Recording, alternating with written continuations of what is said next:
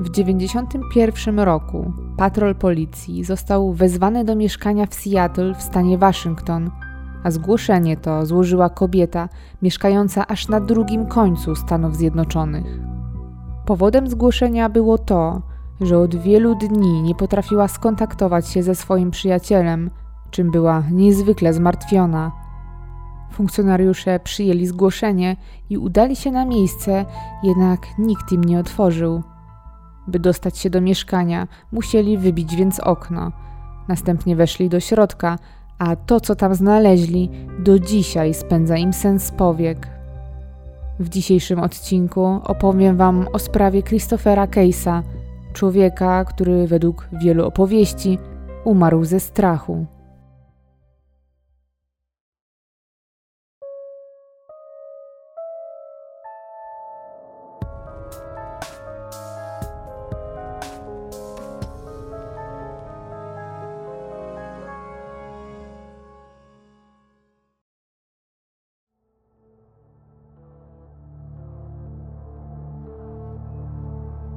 Christopher Case urodził się w Richmond w stanie Virginia w 1956 roku.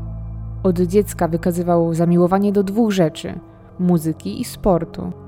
Od zawsze był też introwertykiem, przez co znacznie bardziej wolał spędzać czas w samotności, realizując swoje pasje.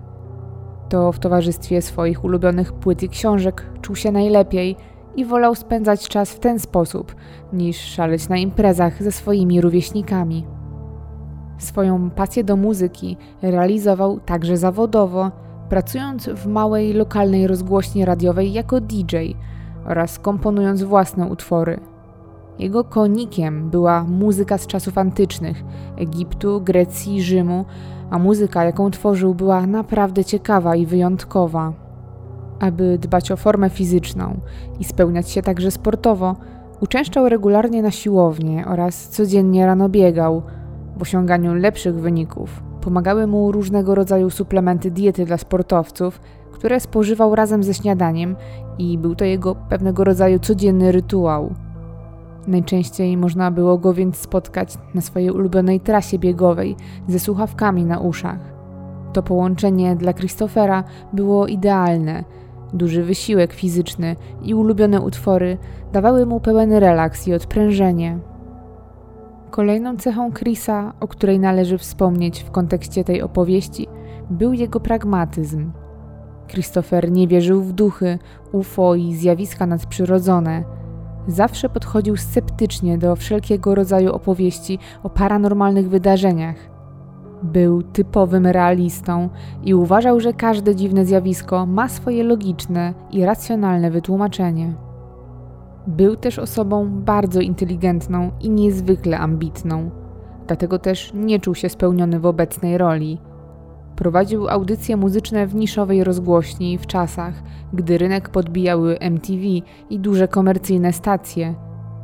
Aby rozwijać swoją karierę muzyczną, Postawił więc wszystko na jedną kartę i przeprowadził się do Seattle, marząc o sukcesie muzycznym. Na całe szczęście jego profesjonalizm i talent zostały szybko docenione. Niemal natychmiast po przeprowadzce otrzymał ofertę pracy dla jednego z czołowych producentów muzyki. Początkowo jako asystent producenta, ale w krótkim czasie awansował na producenta wykonawczego. Na tym stanowisku przepracował 3 lata, gdy nieoczekiwanie zgłosił się do Chrisa zarząd holdingu Muzak, oferując mu rolę dyrektora programowego, czyli de facto trzecie najważniejsze stanowisko w hierarchii w firmie, która w 1991 roku zatrudniała przeszło 500 osób.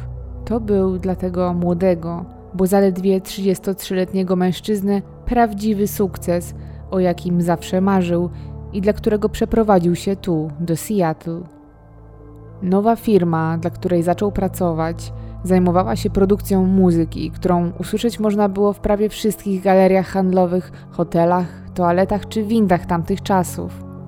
Zadaniem Chrisa było komponowanie nowych zestawów muzycznych i sprawowanie pieczy nad ich produkcją, a utwory, jakie powstawały, cechować się miały umiarkowanym tempem i wprowadzać słuchacza w spokojny stan relaksu.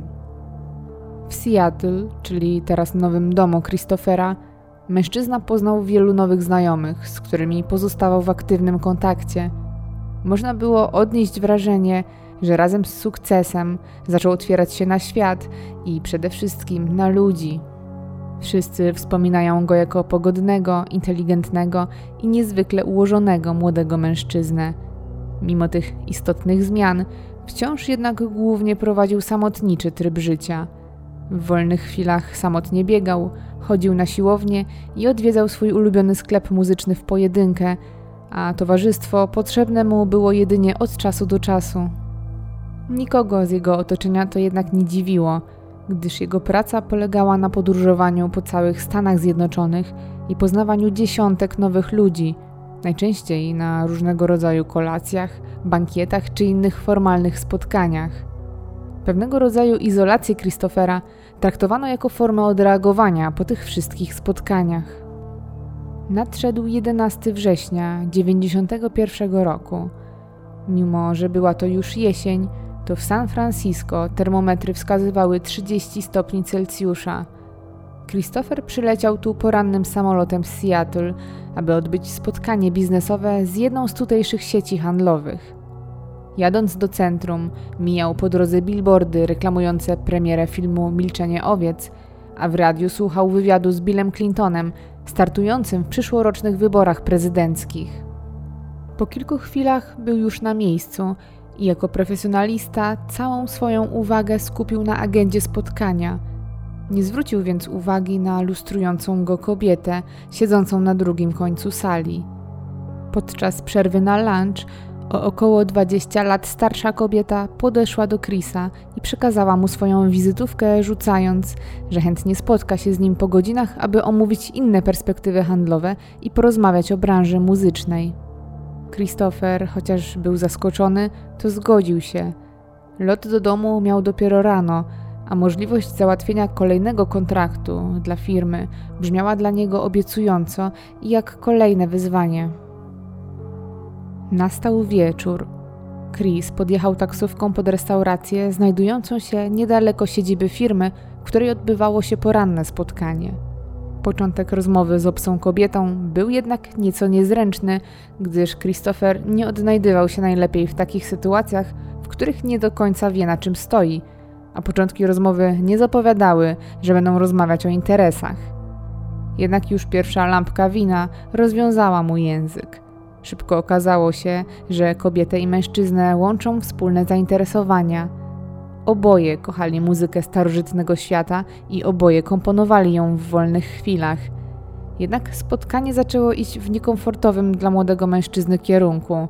Z każdą minutą atmosfera robiła się coraz gęstsza i wkrótce niewinny flirt zaczął stawać się coraz bardziej nachalny. Chris z natury był introwertykiem, więc im mocniej kobieta naciskała, tym on bardziej zamykał się w sobie i wycofywał. Gdy ta się do niego przysuwała, ten się odsuwał. Gdy ta próbowała złapać go za rękę, ten ją zabierał. Towarzyszka spotkania ewidentnie nic nie robiła sobie z tego, że Chris wyraźnie nie jest zainteresowany romantycznym przebiegiem ich spotkania. W końcu jednak kobieta, jakby wręcz ślepa na wysyłane sygnały, postawiła wszystko na jedną kartę i zaproponowała mu, żeby wrócili tej nocy do jej domu. Chris był zaskoczony tą ofertą i natychmiast, może trochę nietaktownie, odrzucił ofertę, śmiejąc się przy tym niezręcznie. Chociaż kobieta była dojrzała i atrakcyjna, to Christopher zupełnie nie miał ochoty na żadne romanse. Atmosfera momentalnie zrobiła się niekomfortowa. Towarzyszka spotkania z początku próbowała udobruchać Christophera i obrócić całą sytuację w żart – tłumacząc, że oczywiście zaprasza go do siebie, ale wyłącznie by posłuchać muzyki. Ten jednak wyznał jej, że nie jest zainteresowany i takim spotkaniem. Wyjaśnił jej uprzejmie, że rano ma samolot, więc chciałby wrócić już do hotelu i wyspać się przed podróżą. Kobieta, słysząc te słowa, w momencie zmieniła swoje oblicze i wpadła w szał. Krzyczała na młodego muzyka i rzucała przedmiotami, które miała pod ręką. Oznajmiła mu, że jest wiedźmą i że gorzko pożałuje tego, że ją odrzucił. Wstając z impetem od stołu, powiedziała coś w obcym języku, a gdy oszołomiony Chris spytał o co chodzi, ta odparła na odchodne: Do końca tego tygodnia będziesz martwy. Christopher uznał kobietę za wariatkę. Uregulował rachunek, jednocześnie gorąco przepraszając obsługę za zaistniałą sytuację i wyszedł przed restaurację. Ulica była pusta, po niedoszłej wiedźmie nie było już śladu. Chris zatrzymał przejeżdżającą taksówkę i wrócił do hotelu, gdzie wreszcie odetchnął po atrakcjach, o jakie nie prosił. Jako osoba racjonalna i niewierząca w żadne czary, nie wziął gruźb kobiety poważnie i bardzo szybko o nich zapomniał. Po powrocie do domu, do Seattle, zadzwonił do swojej przyjaciółki ze szkolnych lat, Sami, mieszkającej w rodzinnej Virginii i opowiedział jej o swoich przygodach w czasie delegacji biznesowej. Oboje uznali, że klątwa była dziwnym sposobem kobiety na odreagowanie odrzucenia, może ekscentrycznym, ale w świetle tego, że interesowała się światem antycznym, to czemu nie miałaby bawić się w wiedźmę lub inną druidkę? Życie Chrisa bardzo szybko wróciło do codziennej rutyny. Rano biegał po swojej okolicy, brał prysznic, aby później podjechać do biura swojej firmy w centrum miasta. Na koniec dnia tradycyjnie znikał z radarów wszystkich i oddawał się swoim ulubionym rytuałom. Słuchał muzyki, czytał książki i ćwiczył na siłowni. Nastał 14 września. Minęły dwa dni od powrotu Chrisa do Seattle. Była piąta rano w niedzielę, gdy sami obudził telefon od jej przyjaciela. Zdezorientowana i zaspana przyłożyła słuchawkę do ucha, przekonana, że Chris przesadził z alkoholem i dzwoni, żeby się wyżalić. Jednak, gdy usłyszała spanikowany głos Chrisa, szybko zrozumiała, że coś jest nie tak. Mimo, że znała go ponad 20 lat, to nigdy nie widziała ani nie słyszała go w takim stanie. Chris, dysząc głośno i z trudem składając zdania, przekazał jej, że nie spał prawie całą noc i że ma wrażenie, że nie był w domu sam. Według jego opowieści, poprzedniej nocy wrócił z wieczornego biegu i wziął szybki prysznic, żeby jak najszybciej wskoczyć do łóżka. Gdy położył się i powoli zaczął zasypiać, usłyszał odgłosy rozmowy. Z początku je zignorował, będąc przekonanym, że to sąsiedzi z domu obok znowu zachowują się głośno. Gdy minął jednak pewien czas, a głosy wciąż nie cichły, zdenerwował się i wstał, by zbadać sprawę. Obszedł cały dom, lecz nie umiał znaleźć źródła dźwięku.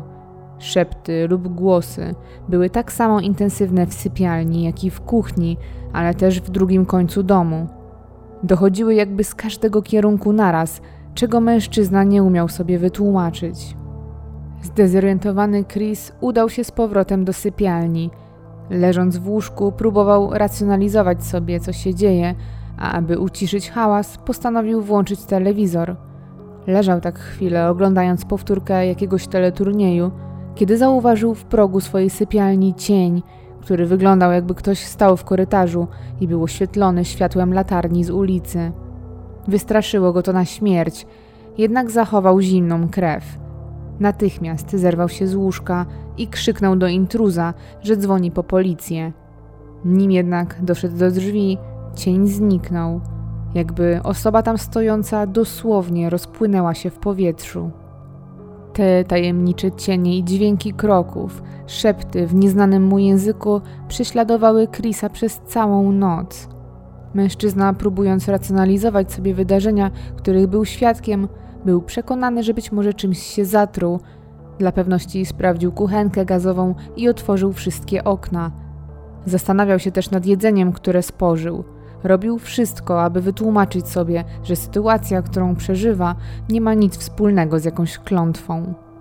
Wczesnoranny telefon do Sami, która sama była osobą pragmatyczną i sceptyczną, uspokoił go, gdy wspólnie uznali, że skoro wszystkie te omamy minęły, to był to najprawdopodobniej jakiś atak paniki wywołany stresem w pracy i przemęczeniem. Chris rozłączył się, przepraszając za pobudkę o tak wczesnej porze i to całe zamieszanie. Obiecał też, że pójdzie teraz odespać noc.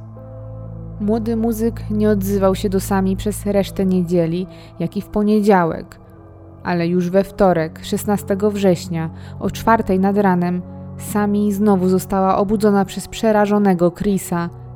Ten przekazał jej przez telefon, że od czasu ich ostatniej rozmowy wszystko było w normie i że poprzedniej nocy, jak zawsze, wrócił z siłowni, umył się i położył do łóżka, a następnie bez problemu zasnął. Spał jak dziecko do momentu, gdy wczesnym porankiem obudziło go uczucie duszenia się. Powoli odzyskując świadomość, miał wrażenie, że jakaś nieznana siła podnosi go i cisnęła nim o łóżko. Czuł również niewidzialne ręce trzymające go za krtań. Gdy zaczął krzyczeć, uczucie duszenia zniknęło. Mężczyzna zerwał się na równe nogi i walcząc z zawrotami głowy uciekł z sypialni i zabarykadował się w łazience, gdzie przerażony spędził resztę nocy.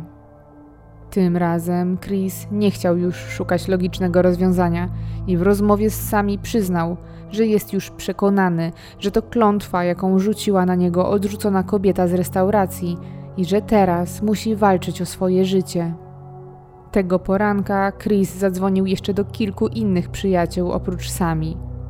Wszystkie rozmowy miały podobny przebieg i wszystkie kończyły się nagłym rozłączeniem ze strony zrozpaczonego Chrisa. Próby oddzwonienia nie udawały się, mężczyzna nie odbierał. Nastał kolejny dzień, środa, 17 września. Sami cały wtorek próbowała dodzwonić się do Chrisa, lecz po wybraniu jego numeru odzywała się automatyczna sekretarka. Z racji tego, że sami mieszkała na drugim końcu kraju, nie mogła zrobić zbyt wiele, była bezradna i nie wiedziała, jak zareagować. Gdy w godzinach popołudniowych Chris wciąż nie odbierał, zdecydowała się na telefon na policję z prośbą o to, by wysłano patrol do jego domu i sprawdzono, czy wszystko z nim ok. Bardzo się martwiła, zwłaszcza że Christopher w ostatniej rozmowie brzmiał na niesamowicie przerażonego. Policja z początku potraktowała zgłoszenie poważnie, podejrzewając możliwość popełnienia przez mężczyznę samobójstwa, jednak wysłany na miejsce patrol miał inne zdanie. Policjanci zbagatelizowali sprawę. Zadzwonili co prawda do drzwi, poczekali chwilę, ale gdy nikt im nie otworzył, po prostu zaraportowali ten fakt i odjechali. Tej nocy, gdy sami wróciła do domu z późnej zmiany w pracy, zastała wiadomość na swojej automatycznej sekretarce. Od razu wiedziała, że to wiadomość od Chrisa. Tym razem jego głos na nagraniu był inny niż ostatnio. Christopher był spokojny i opanowany, ale wcale nie brzmiało to dobrze. Zrezygnowanym i wręcz smutnym tonem wytłumaczył jej, że to ostatni dzień jego życia i że pogodził się już z tym faktem. Wiadomość brzmiała następująco: Słuchaj sami, chyba już po wszystkim. Wczorajszej nocy prawie mnie dorwali. Oni zrobią wszystko, żeby mnie zabić. Cokolwiek robiłem, aby się od nich odpędzić, już najwyraźniej nie działa. Tak więc nie wiem co dalej. Z pewnością dzisiejsza noc będzie najgorsza. Sami, to poważna sprawa, naprawdę poważna sprawa. Tu chodzi o moje życie. Sami natychmiast chwyciła za telefon i próbowała dodzwonić się do przyjaciela. Ten jednak oczywiście nie odbierał. Po kolejnych bezskutecznych próbach, zaniepokojona sami, zdecydowała się po raz kolejny wezwać policję do mieszkania swojego przyjaciela. Tym razem osobiście udała się na okoliczny komisariat policji, aby dodać sprawie wagi. 18 września, w czwartek, w godzinach popołudniowych, wiele godzin od zgłoszenia złożonego na policji przez Sami i jednocześnie siódmego dnia rzekomej klątwy, policja ponownie pojawiła się pod wejściem do domu Chrisa. Jednak tym razem zgłoszenie zostało potraktowane poważnie, także przez patrol. Gdy na pukanie policjanta ponownie nikt nie zareagował, jeden z oficerów postanowił podejść do jednego z okien budynku, w którym mieszkał Chris i sprawdzić, co dzieje się w środku. Wszedł na trawnik przed domem, zbliżył twarz do szyby i, by lepiej widzieć wnętrze mieszkania, zasłonił rękami dostęp światła. Widok, jaki zastał, sprawił, że natychmiast, bez wahania, wybił okno w mieszkaniu i wszedł do środka, jednocześnie wołając swojego partnera. To, co funkcjonariusze zastali wewnątrz, zapewne śni im się po dziś dzień. W całym mieszkaniu Chrisa paliły się dziesiątki mocno już stopionych świeczek, a dookoła nich stało całe mnóstwo krzyży. Przedmioty te były dosłownie wszędzie na podłodze, na stole, na meblach czy stopniach schodów prowadzących na piętro. W kącie salonu włączona była wieża hi-fi, która odtwarzała po cichu churalne śpiewy w jakimś obcym języku. Jak później się okazało, była to msza po łacinie. Uwagę policjantów przykuła również sól, która rozsypana była wzdłuż wszystkich ścian na zewnątrz i wewnątrz budynku oraz na werandzie. Policjanci byli zdumieni i czuli wewnętrzne zaniepokojenie. Wiedzieli, że coś bardzo tutaj nie gra. Dom Christophera przypominał plan filmowy z jakiegoś horroru, jednak ewidentnie była to rzeczywistość. Funkcjonariusze zaczęli zagłębiać się we wnętrze domu, wiedząc, że przyszli szukać tu młodego człowieka. Najpierw sprawdzali parter i znajdującą się tam jedną sypialnię i kuchnię, lecz Chrisa nigdzie nie było. Rozejrzeli się dokładnie w salonie, ale tam również nikogo nie znaleźli. Zaczęli więc nawoływać młodego mężczyznę, ale bez skutku. Następnie obaj mężczyźni udali się na piętro, sprawdzając kolejne pomieszczenia i zaglądając nawet do garderoby, ale towarzyszył im tylko zapach palących się świec i churalna muzyka w tle. Na piętrze było bardzo ciemno. Mimo, że był środek ciepłego dnia, wszystkie okna zasłonięte były grubymi zasłonami lub zaklejone gazetami. Wewnątrz było naprawdę mrocznie. Mężczyźni przeszukali już prawie cały dom. Ostatnim pomieszczeniem do sprawdzenia była łazienka. Jeden z policjantów otworzył powoli drzwi do niej prowadzące, przewracając przy tym rozstawione na podłodze świeczki i krzyże. W łazience, pozbawionej okna, w półmroku, jakie dawały płomienie świec, policjanci zauważyli postać Chrisa. Klęczał w wannie w nienaturalnej pozycji, z głową opartą o ścianę. Mężczyzna był w pełni ubrany, ale zupełnie się nie ruszał. Para policjantów przekonana była, że Christopher modli się lub odprawia jakiś rytuał. Zawołali go po imieniu, ale nie było żadnej reakcji. Jeden z nich ostrożnie podszedł do młodego mężczyzny i szturchnął go za ramię, próbując zwrócić na siebie uwagę. Jednak w tym momencie Chris, będąc całkowicie sztywnym, osunął się na plecy, a funkcjonariuszom ukazała się jego twarz. Jego oczy były wielkie i pełne strachu, a usta wykrzywione z przerażenia. Był blady i zimny. Nie żył od wielu godzin. Raport policyjny wykazał, że miejsce znalezienia zwłok nie posiadało śladów włamania ani walki. Dom zamknięty był od wewnątrz na łańcuch, więc nie ma możliwości, aby ktoś otworzył drzwi kluczem. Ewidentnie Christopher był tej nocy w domu całkowicie sam. W toku śledztwa sąsiedzi Chrisa zeznali, że od kilku dni co noc z domu mężczyzny wydobywały się różne dźwięki. Czasem były to krzyki, czasem dziwna, głośna muzyka. Światło świeczek w jego domu paliło się całą noc. Było to dla nich co najmniej dziwne, ale nie uważali, że komukolwiek dzieje się krzywda. Jeden z sąsiadów widział również Chrisa wychodzącego w panice przed dom w środku nocy. Był wtedy mocno pobudzony i rozkojarzony. Sprawiał wrażenie osoby pod wpływem narkotyków lub cierpiącej na chorobę psychiczną. Był spocony i niechlujnie ubrany, z wypiekami na twarzy. Zdecydowanie odbiegał od obrazu ułożonego, eleganckiego młodego mężczyzny, do którego wszystkich przyzwyczaił. W mieszkaniu Chrisa, oprócz krzyży i świec, znaleziono wiele książek dotyczących egzorcyzmów i demonów, a nawet wodę święconą. W progu każdego z pomieszczeń oraz na parapetach rozsypana była sól, co według pradawnych wierzeń miało chronić jego dom przed niepowołanymi gośćmi z zaświatów. Wszystkie lustra w domu były zbite, a ramy stały na ziemi oparte o ścianę. Informacje o tym, jak postępować, najprawdopodobniej wyczytał z książki o tytule Dziwne zwyczaje, znajdującej się na komodzie w sypialni i opisującej średniowieczne metody walki z demonami. Oprócz książki na komodzie znajdowało się również wiele odręcznych notatek spisanych przez Chrisa, opisujących inne metody ochrony przed złymi mocami. Kartki te znaleźć można było również w łazience i salonie.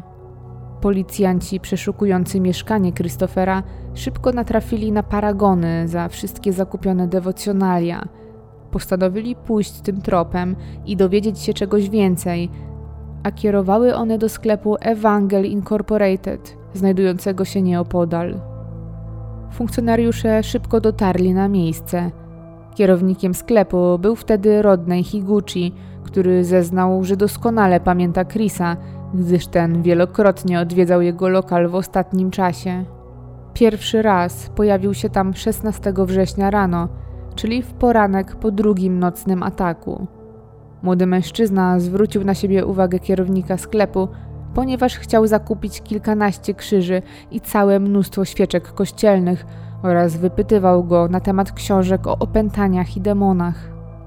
Pan Higuchi zapytał wtedy wprost, po co mu to wszystko, na co ten odpowiedział, że zgodnie ze swoim przekonaniem jest atakowany przez nieznane nadprzyrodzone moce i że poszukuje jakiegoś sposobu na to, by się obronić.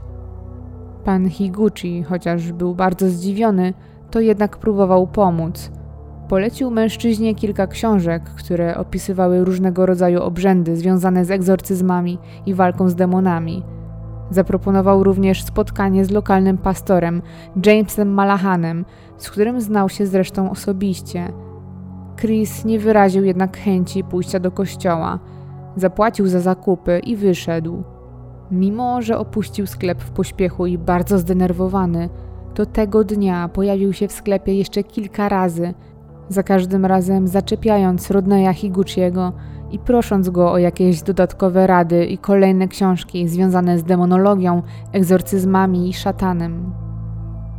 Dalsze śledztwo wykazało, że kolejnej nocy z 16 na 17 września na karcie kredytowej Chrisa odnotowano obciążenie ze strony hotelu, który znajdował się niedaleko jego domu. Funkcjonariusze skierowali swoje kroki także tam. Pracujący tej nocy recepcjonista zapamiętał dokładnie młodego muzyka. Nie dość, że pojawił się on o nietypowej, bo bardzo późnej porze, to na dodatek nie miał ze sobą żadnego bagażu i był wyraźnie zdenerwowany i rozkojarzony. Recepcjonista opisywał go podobnie jak sąsiedzi. Nie sprawił jednak żadnych kłopotów. Zaraz po przybyciu zapłacił należność za nocleg, a nad ranem oddalił się niezauważony w nieznanym kierunku. Według tego, co ustalono w toku śledztwa, 17 września, czyli ostatni dzień swojego życia, Chris spędził najprawdopodobniej w większości poza domem, wciąż szukając ratunku przed klątwą. Dlatego też pierwszy patrol policji, który został wysłany na prośbę sami, nie zastał nikogo w domu. Chrisa po prostu tam nie było. W godzinach popołudniowych widziany był ponownie w sklepie Ewangel. Tym razem wyglądał inaczej niż podczas ostatniej wizyty. Był słaby, powolny i zrezygnowany, co zgadzało się z wiadomością pozostawioną na automatycznej sekretarce sami. Według zeznań pana Higuchiego, Chris miał niezwykle bladą twarz i czerwone oczy. Wyglądał, jakby nie spał od wielu dni, a do tego był cały spocony i momentami aż dyszał.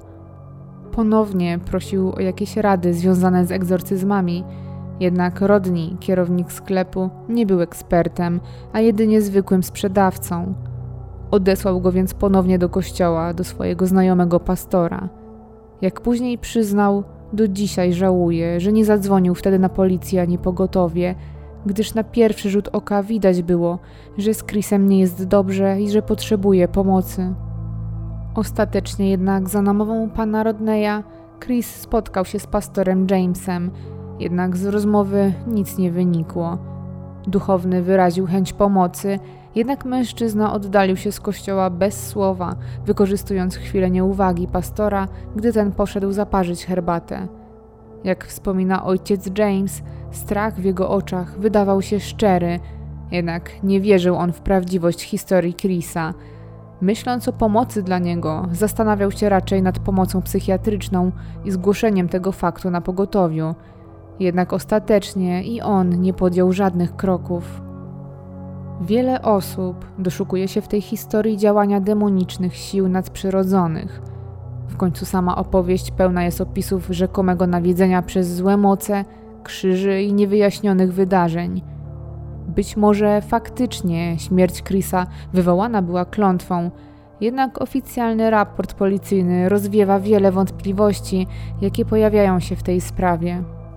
Oficjalnie przyczyną śmierci Christophera Case'a było zapalenie mięśnia sercowego, które docelowo doprowadziło do nagłego zatrzymania akcji serca. Okazuje się, że paradoksalnie to właśnie nadmierne dbanie o zdrowie mogło zabić Chrisa. Zdaniem patomorfologa, to witaminy i suplementy dla sportowców, które przyjmował, połączeniu ze stresem wynikającym z pracy, jaką wykonywał, intensywnymi codziennymi treningami i sytuacją, w której się znalazł w związku z odrzuceniem w restauracji, doprowadziły u młodego mężczyzny do ostrej niewydolności serca, a następnie do śmierci. Można więc powiedzieć, że połączenie tych wielu czynników sprawiło, że Chris wpadł w pętlę bez wyjścia. Im bardziej pogarszał się jego stan, tym większe miał halucynacje i większy strach odczuwał, a im większy strach odczuwał, tym bardziej pogarszało się jego zdrowie. Ostatecznie można powiedzieć, że Christopher Case dosłownie wystraszył się na śmierć, ponieważ jego zaatakowane chorobą serce nie wytrzymało takiej dawki stresu. Znając stan chorobowy, z jakim zmagał się Chris, łatwiej jest uzasadnić omamy dźwiękowe i wizualne, których doświadczył, oraz nieracjonalne zachowanie, które przejawiał przez ostatnie dni swojego życia. Objawami zapalenia mięśnia sercowego są m.in. uczucie niepokoju, duszności i ucisku w klatce piersiowej, a także wysoka gorączka, a w ciężkich przypadkach epizody niedotlenienia mózgu, które z kolei mogą prowadzić do halucynacji i nieracjonalnego zachowania. Co ciekawe, zapalenie mięśnia sercowego odpowiedzialne jest za ponad 20% przypadków nagłej śmierci u młodych, na pierwszy rzut oka zdrowych osób, najczęściej właśnie sportowców.